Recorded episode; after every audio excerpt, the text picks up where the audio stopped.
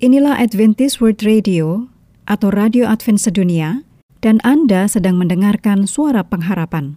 Untuk informasi lebih lanjut, silakan menulis email ke bible at awr.org atau telepon ke WhatsApp di plus 1 224 222 0777.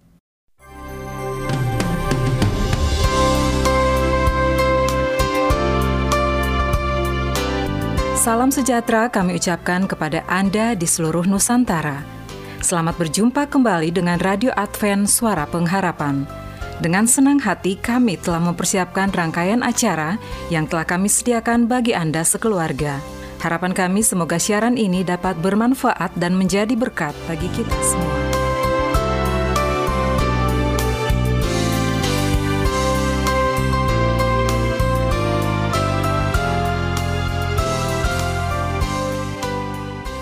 Pendengar yang dikasihi Tuhan, di tahun ke-35 pelayanan AWR Indonesia, kisah dan kesaksian pendengar terkait siaran dan pelayanan audio kami terus-menerus dikompilasi.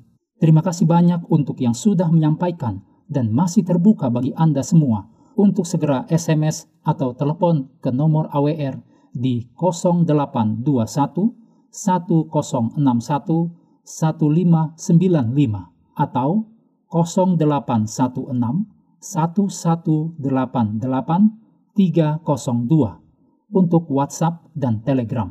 Kami tunggu para pendengar dukungan Anda. Dengarkanlah Tuhanmu bersabda, bersabda, maju di jalan yang benar. Janganlah menyimpang kiri tetap maju di jalan benar. Maju di jalan benar. Dengarkanlah Tuhanmu bersabda, Tuhan bersabda, tetap maju di jalan yang benar. Janganlah menyimpang ke kanan, ke kiri tetap maju di jalan benar. Maju di jalan benar, maju di jalan benar.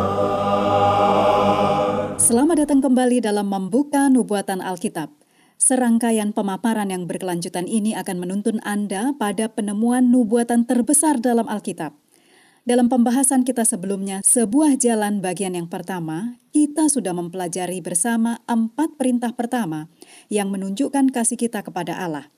Pembahasan kali ini akan dilanjutkan dengan enam perintah berikutnya yang menunjukkan kasih kita kepada sesama manusia. Dan ini dapat merupakan pemaparan yang mengejutkan banyak orang. Jadi apa sebenarnya jalannya? Kita tidak perlu menebak. Allah memberitahu kita dalam firman-Nya yang suci, yaitu Alkitab, yang memberikan beberapa jawaban nyata kepada manusia sepanjang sejarah dunia, sampai di zaman kita ini, di waktu tepat sebelum Yesus datang kembali. Mari kita ingat kembali tema kita, jika terdapat dalam Alkitab, saya percaya, dan jika tidak sesuai dengan Alkitab, itu bukan untuk saya. Sekarang mari kita berdoa untuk melanjutkan pelajaran ini, sebuah jalan. Bapa Surgawi, terima kasih banyak telah menyediakan bagi kami jawaban Alkitabiah untuk mengetahui jalan kembali kepadamu, untuk kembali ke taman surgawi yang sempurna, kembali ke rencanamu yang semula. Ya Tuhan, buka hati kami dan pertajam pikiran kami untuk memiliki pemahaman yang lebih dalam tentang Engkau dan karaktermu, sehingga kami dapat membuktikannya ya Tuhan dalam segala hal yang kami lakukan. Tuhan, terima kasih banyak sekali lagi untuk membawa kami semua bersama saat ini untuk mempelajari firman-Mu. Doa ini kami persembahkan di dalam nama Yesus, nama yang indah dan berkuasa. Amin. Kita akan kembali ke Keluaran pasal 20.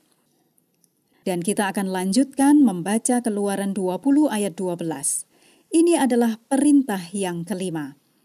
Hormatilah ayahmu dan ibumu, supaya lanjut umurmu di tanah yang diberikan Tuhan Allahmu kepadamu. Saya tahu bahwa ketika dulu saya tidak melakukan hal ini, ketika saya tidak menghormati orang tua saya dengan cara tertentu, saya merasa bersalah.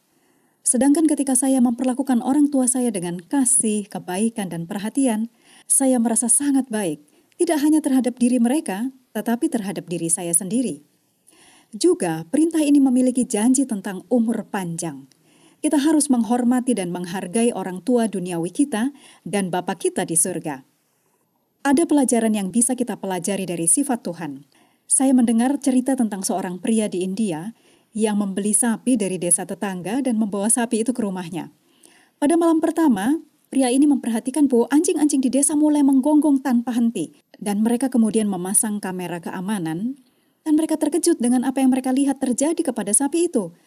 Mereka melacak pemilik asli sapi itu karena keingintahuan saat melihat ada seekor macan tutul dalam rekaman kamera. Dan mereka terkejut ketika mengetahui bahwa induk si macan tutul ini meninggal ketika bayi macan tutul ini baru berumur 20 hari. Saat itu, orang-orang sekitar menyampaikan pemikiran bagaimana jika si sapi yang merawat bayi macan tutul tersebut. Dan itulah yang terjadi. Ketika anak macan tutul tersebut tumbuh besar, mereka mengembalikannya ke hutan. Tetapi si macan tutul tidak melupakan penyelamat yang merawatnya. Jadi di mana pun sapi itu berada, Macan tutul tersebut datang setiap malam untuk mengunjungi induk penyelamatnya. Sungguh sebuah contoh tentang menghormati siapa yang membesarkannya.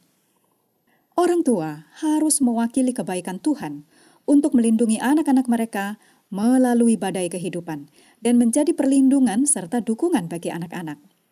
Saya tahu bahwa beberapa dari Anda mungkin sudah sangat terluka atau disalahgunakan oleh orang tua duniawi Anda – jadi dalam hal ini bagaimana Anda menghormati mereka? Penting untuk diingat bahwa Bapa Surgawi kita itu mengampuni kita. Jadi pada gilirannya, Bapa Surgawi dapat membantu kita untuk mengampuni mereka, para orang tua duniawi kita. Kita bisa meneruskan pengampunan yang kita terima dari Bapa Surgawi. Terlebih lagi, ini bermanfaat untuk penyembuhan hati Anda sendiri.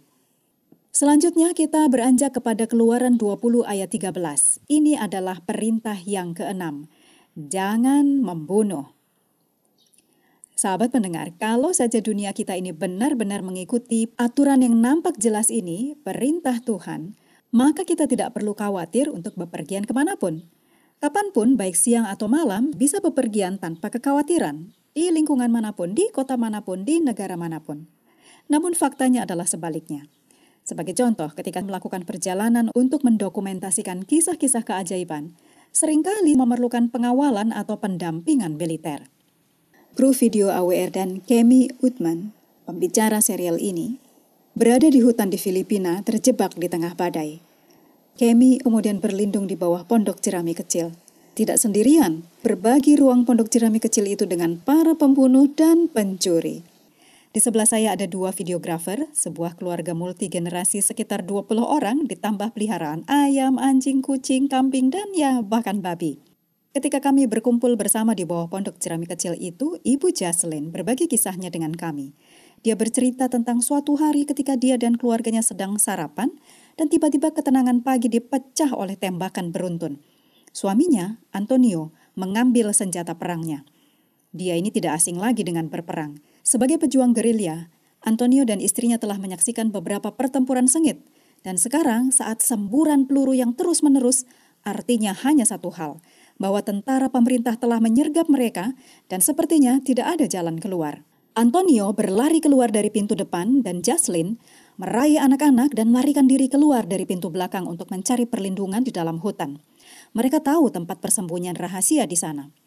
Sebagai pejuang pemberontak komunis, Jaslyn lebih merasa marah daripada takut dengan peristiwa yang berulang ini. Biasanya dia sama sekali tidak merasa takut. Dan saat dia berbaring bersembunyi dengan anak-anaknya, Jaslyn bertanya-tanya, apakah suaminya akan selamat? Mereka menunggu lama sekali. Dan kemudian suara pertempuran terdengar semakin jauh sampai akhirnya semuanya tenang.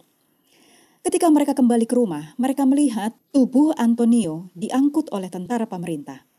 Hari itu, Jaslyn kehilangan suaminya dan anak-anak kehilangan ayah mereka. Jasad Antonio tidak pernah ditemukan. Dan pengalaman ini semakin mengeraskan hati Jaslyn. Betapa dia membenci para prajurit tentara Filipina. Dan Jaslyn memutuskan saat itu juga untuk membesarkan anak-anaknya menjadi pejuang gerilya terbaik untuk membalas kematian ayah mereka. Anak laki-lakinya yang tertua baru berusia 10 tahun ketika peristiwa itu terjadi. Dan saat anak ini berusia 13 tahun, dia telah bergabung sebagai gerilyawan. Jaslyn bangga padanya. Dia mengajar anak-anak yang lebih kecil bagaimana menyelinap melalui hutan tanpa bersuara, bagaimana mencari makan untuk makanan, dan bagaimana menjadi penembak jitu. Hati mereka yang masih muda juga mengeras.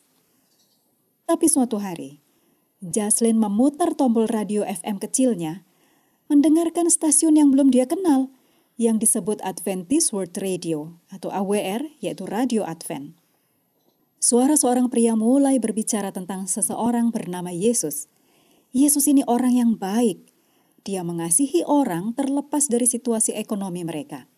Yesus berkuasa dan bisa menyembuhkan orang sakit, bahkan membangkitkan orang mati. Jaslyn terpesona. Dia mulai mendengarkan setiap hari dan hatinya mulai melunak ketika mendengar tentang Tuhan yang mencintainya dan menawarkan perhatian dan pengampunan kepadanya sebuah keinginan mulai tumbuh di hatinya untuk mengalami jenis kehidupan yang baru. Jaslyn memutuskan untuk menyerahkan hidupnya kepada Yesus ini. Dia meletakkan senjatanya dan mencoba membereskan pikirannya mengenai konsep pengampunan, bahkan untuk musuh terburuknya. Segera anak-anak lelakinya juga mulai mendengarkan program siaran ini bersamanya, dan suatu hari putranya berkata padanya bahwa dia sudah lelah berperang. Putranya ini juga meletakkan senjatanya untuk mengikuti Yesus. Sekarang, Keluaran 20 ayat 14, ini adalah perintah ketujuh. Jangan bersinah. Jika manusia menuruti hukum ini, pernikahan akan memiliki tingkat keberhasilan yang tinggi. Tidak akan ada rasa takut mengenai pasangan Anda akan berselingkuh dengan orang lain. Pandangan Allah tentang pernikahan adalah ikatan kepercayaan dan kemurnian. Ini adalah pengalaman kasih tertinggi di bumi. Ketika ikatan ini rusak melalui perzinahan, ini akan menghancurkan hati seluruh keluarga. Tanpa kompas moral, masyarakat kita tidak memiliki arah yang jelas dan menjadi bingung dan tergelincir. Masyarakat kita berkata, pikiranmu sendiri adalah standar. Tidak ada yang bisa memberitahumu apa yang harus dilakukan. Jika rasanya enak, lakukanlah. Jika itu membuatmu senang, lakukanlah. Dua orang dewasa yang bersepakat dapat melakukan apa saja sesuka mereka, bukan? Segala sesuatu yang Tuhan ingin Anda senangi telah diputarbalikkan oleh iblis. Iblis telah memutarbalikkan kata cinta menjadi nafsu.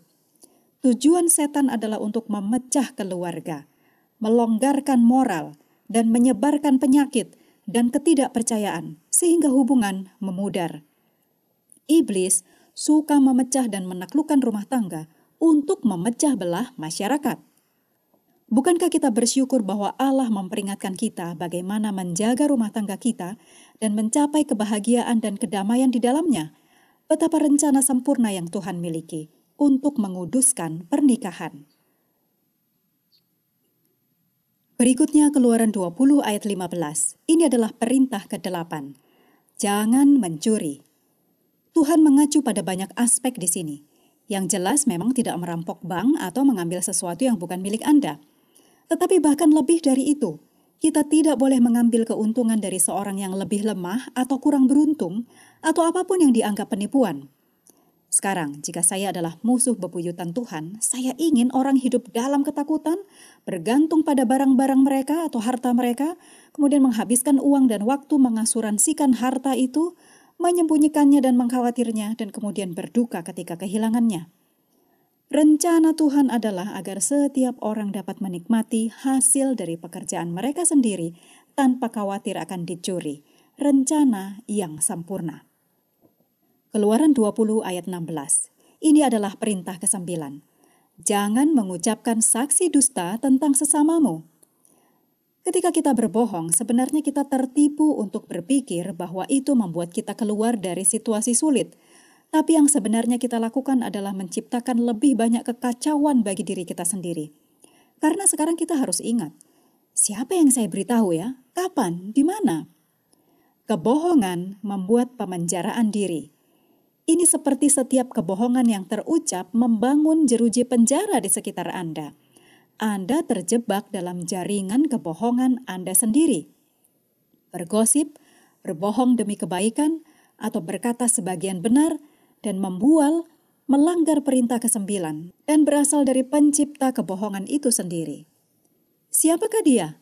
Ya, Alkitab memberitahu kita dalam Yohanes 8 ayat 44. Iblislah yang menjadi bapamu, dan kamu ingin melakukan keinginan-keinginan bapamu. Ia adalah pembunuh manusia sejak semula dan tidak hidup dalam kebenaran, sebab di dalam dia tidak ada kebenaran. Apabila ia berkata dusta, ia berkata atas kehendaknya sendiri, sebab ia adalah pendusta dan bapa segala dusta. Tuhan ingin kita berbicara kebenaran. Itu berarti benar pada kata-kata Anda. Alasan kita menurut bukan karena kita mencoba untuk mendapatkan perhatian Tuhan. Penurutan itu adalah tanggapan atau ungkapan dari kasih kita kepadanya. Pendengar yang dikasihi Tuhan, di tahun ke-35 pelayanan AWR Indonesia, kisah dan kesaksian pendengar terkait siaran dan pelayanan audio kami terus-menerus dikompilasi. Terima kasih banyak untuk yang sudah menyampaikan dan masih terbuka bagi Anda semua untuk segera SMS atau telepon ke nomor AWR di 0821 1061 1595 atau 0816 1188 302 untuk WhatsApp dan Telegram. Kami tunggu para pendengar dukungan Anda. Saya tidak menuruti Tuhan untuk mendapatkan keselamatan saya. Saya menuruti Tuhan bukan untuk diselamatkan, tetapi karena saya telah diselamatkan. Perintah yang terasa sangat menyesakkan sebelum Anda mengenal Tuhan, tiba-tiba akan jadi masuk akal dalam hidup Anda. Dan itu bukan lagi tentang berusaha sangat keras untuk melakukan hal yang benar atau apa yang diharapkan. Ini semua tentang hubungan. Ada kesalahpahaman di luar sana bahwa Tuhan sedang menunggu dengan petir, siap untuk memukul kita ketika kita mengacau. Jika itu benar, kita semua sudah hangus saat ini. Tuhan tidak sedang menunggu untuk menghukum. Tuhan di sana memohon kita untuk memilih jalan yang berbeda, untuk menghindari akibat mengerikan yang Dia tahu ada di luar sana. Hukum juga seperti cermin para sahabat. Itu mencerminkan kepada kita siapa kita sebenarnya.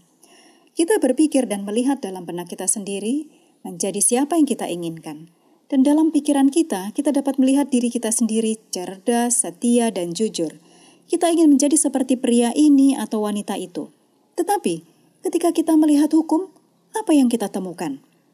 Hukum dapat menunjukkan cerminan diri kita sendiri yang belum pernah kita lihat sebelumnya. Kita gagal, dan kita melihat diri kita sebagai siapa kita sebenarnya. Jadi, Ketika kita menerima Yesus, Dia datang dan Dia mengenakan jubah kebenaran pada kita, sehingga ketika Allah Bapa melihat kita, Dia melihat Yesus yang mulia dan sempurna. Dan kemudian kita diterima dan diselamatkan ke dalam kerajaannya.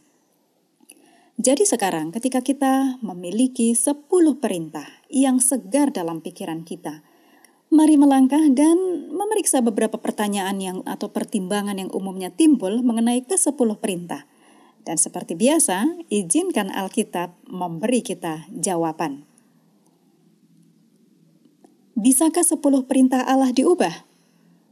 Kita harus lihat dalam Lukas 16 ayat yang ke-17. Dituliskan, lebih mudah langit dan bumi lenyap daripada satu titik dari hukum Taurat batal. Selanjutnya, ayat dalam Mazmur 89 ayat 34. Firman Tuhan, Aku tidak akan melanggar perjanjianku, dan apa yang keluar dari bibirku tidak akan kuubah.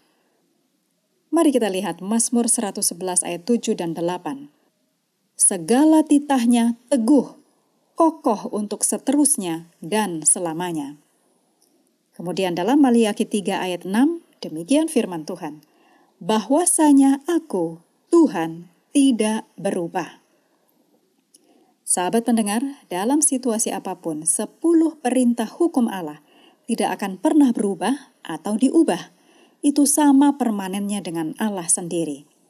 Tiga kali dalam Alkitab, raja-raja duniawi, yaitu Herodes, Ahasveros, dan Darius, membuat undang-undang yang kemudian ingin mereka rubah, tapi tidak bisa. Jika hukum raja duniawi yang lemah dan membingungkan tidak dapat diubah, Bagaimana mungkin orang berpikir bahwa hukum Allah yang kekal, yang ditulis di batu dengan jari Allah sendiri, dapat diubah? Tidak mungkin mengubah hukum Allah dengan tidak mengubah Tuhan sendiri. berdasarkan Alkitab, apakah itu dosa? 1 Yohanes 3 ayat 4 memberikan jawaban. Dosa ialah pelanggaran hukum Allah. Berikutnya, Roma 3 ayat 20. Oleh hukum Taurat, orang mengenal dosa. Iblis membenci hukum Taurat karena itu membuat kita sadar bahwa kita membutuhkan seorang juru selamat dari dosa. Berikutnya, apakah Yesus menuruti sepuluh perintah Allah? Yohanes 15 ayat 10 menuliskan, Aku menuruti perintah Bapakku. Ayat ini sudah cukup jelas. Berikutnya 1 Petrus 2 ayat 21.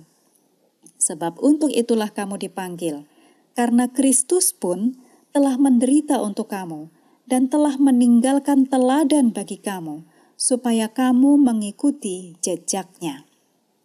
Tentu, Yesus memang menuruti sepuluh perintah Allah sebagai teladan untuk Anda dan saya. Berikutnya, berapa banyak orang yang telah berdosa? Roma 3 ayat 23 menuliskan, karena semua orang telah berbuat dosa dan telah kehilangan kemuliaan Allah. Selanjutnya, apa hukuman untuk hidup dalam dosa? Roma 6 ayat 23 menuliskan, sebab upah dosa ialah maut. Jadi jika hukum Tuhan bisa diubah, maka tidak perlu bagi Yesus untuk mati di kayu salib. Fakta bahwa Yesus membayar hukuman dosa dan mati adalah bukti bahwa hukum Allah tidak dapat diubah. Selanjutnya, ada yang mengatakan 10 perintah Allah adalah perjanjian lama dan tidak berlaku bagi kita sebagai orang Kristen di perjanjian baru. Apa yang Yesus katakan tentang ini? Matius 19 ayat 17. Tetapi jikalau engkau ingin masuk ke dalam hidup, turutilah segala perintah Allah. Di dalam Yohanes 14 ayat 15, Yesus berkata, Jikalau kamu mengasihi aku, kamu akan menuruti segala perintahku. Ini juga dapat diartikan seperti sebaliknya, jika kamu tidak mengasihi aku, jangan turuti perintahku. Wahyu 22 ayat 14 dalam King James Version. Berbahagialah mereka yang melakukan perintahnya. Dan berikutnya Wahyu 14 ayat 12, yang penting di sini ialah ketekunan orang-orang kudus yang menuruti perintah Allah dan iman kepada Yesus. Para sahabat pendengar, perjanjian baru dengan jelas mengajarkan bahwa umat Allah akan menuruti semua perintahnya – kita tahu bahwa dunia sedang dalam masalah besar hari ini karena begitu banyak yang tidak lagi merasa penting untuk menuruti hukum Allah. Alkitab berbicara tentang zaman kita dengan mengatakan, Waktu untuk bertindak telah tiba bagi Tuhan. Mereka telah merombak Tauratmu. Itu dapat Anda temukan dalam Mazmur 119 ayat 126. Anda mungkin bertanya pada diri sendiri, bagaimana mungkin menuruti perintah Tuhan? Filipi 4 ayat 13 menuliskan, Segala perkara dapat kutanggung di dalam dia, yaitu dalam Kristus, yang memberi kekuatan kepadaku. Selanjutnya, Ibrani 8 ayat 10. Aku akan menaruh hukumku dalam akal budi mereka, dan menuliskannya dalam hati mereka. Seluruh sifat seseorang diubah sehingga dia temukan bahwa melakukan kehendak Tuhan adalah kesenangan. Berikutnya, Bisakah saya menjadi orang Kristen sejati tanpa menuruti perintah-perintahnya? 1 Yohanes 2 ayat 3 dan 4 dituliskan, Dan inilah tandanya, bahwa kita mengenal Allah, yaitu jikalau kita menuruti perintah-perintahnya. Barang siapa berkata, aku mengenal dia, tetapi ia tidak menuruti perintahnya, ia adalah seorang pendusta, dan di dalamnya tidak ada kebenaran. Berikutnya, apakah orang diselamatkan dengan menuruti hukum? Efesus 2 ayat 8 dan 9 menuliskan, Sebab karena kasih karunia kamu diselamatkan oleh iman, itu bukan hasil usahamu, tetapi pemberian Allah. Itu bukan hasil pekerjaanmu, jangan ada orang yang memegahkan diri. Sahabat pendengar, tidak ada seorang pun yang diselamatkan dengan menuruti hukum Allah. Semua diselamatkan oleh anugerah Allah yang bekerja secara ajaib Selanjutnya, mereka yang diselamatkan atau diubahkan dengan kasih karunia Yesus, mereka ingin menuruti hukumnya sebagai ungkapan kasih dan ucapan terima kasih mereka kepada Allah. Jadi sementara Anda mendengar pekabaran hari ini, Apakah Anda melihat bahwa Allah memiliki hukum yang kudus? Ya. Apakah saya akan mengacaukannya? Ya. Apakah saya sengaja ingin melanggar perintah? Tidak. Ketika saya gagal, saya dengan sungguh-sungguh meminta pengampunan atas dosa saya. Lalu apakah saya perlu mempertanyakan, apakah saya sudah diampuni? Tidak. Yesus mengatakan hal ini ketika Anda meminta pengampunan atas dosa-dosa Anda. 1 Yohanes 1 ayat 9. Ia adalah setia dan adil, sehingga ia akan mengampuni segala dosa kita dan menyucikan kita dari segala kejahatan. Amin untuk ayat ini. Jadi sahabat pendengar, jika Anda belum memulai awal yang baru, lakukanlah saat ini, sahabatku. Yesus menawarkan ini kepada siapa pun, apa pun yang Anda telah lakukan. Jangan biarkan iblis berbisik di telinga Anda bahwa Anda tidak cukup baik, bahwa Anda tidak pantas untuk surga. Tidak ada dosa yang terlalu besar bagi Yesus untuk diampuni. Jangan biarkan satu hari lagi berlalu tanpa memiliki jaminan bahwa Anda akan dibuat putih seperti salju. Apakah itu kerinduan Anda sekarang ini, ketika Anda sedang menyaksikan atau sedang mendengarkan? Untuk mengatakan, "Tuhan, aku adalah orang berdosa yang sangat membutuhkan seorang juru selamat. Tuhan, aku ingin menurut pada hukummu melalui kuasa roh kudusmu." Jika demikian kerinduan Anda, mari kita berdoa. Bapa Surgawi, saat ini kami telah belajar apa artinya jalanmu untuk hidup kami. Dan jika kami menuruti hukummu, kami dapat menjalani hidup sepenuhnya, baik untuk saat ini dan untuk kekekalan. Terima kasih sudah menaruh pagar perlindungan di sekitar kami. Tolong mampukan semua orang yang telah mendengar pekabaranmu ini agar membuat keputusan untuk berjalan di jalanmu. Kami persembahkan doa ini di dalam nama Yesus yang maha mulia dan maha kuasa. Amin. Terima kasih telah bergabung dengan kami di Membuka Nubuatan Alkitab. Pilihlah jalan Tuhan. Selamat berpisah, para sahabat.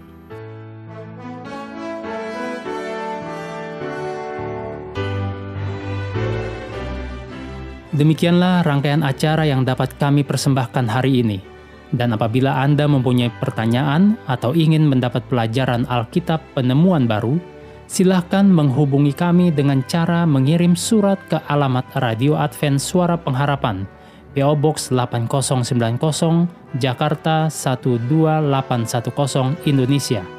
Telepon 0821 1061 1595 dan alamat email awrindonesia@yahoo.co.id. Anda juga dapat bergabung di Facebook kami, pendengar radio Advent Suara Pengharapan. Terima kasih kami ucapkan bagi Anda semua pendengar kami yang setia. Kita akan berjumpa kembali pada waktu dan gelombang yang sama esok hari. Salam kasih dan sejahtera kiranya Tuhan memberkati kita semua.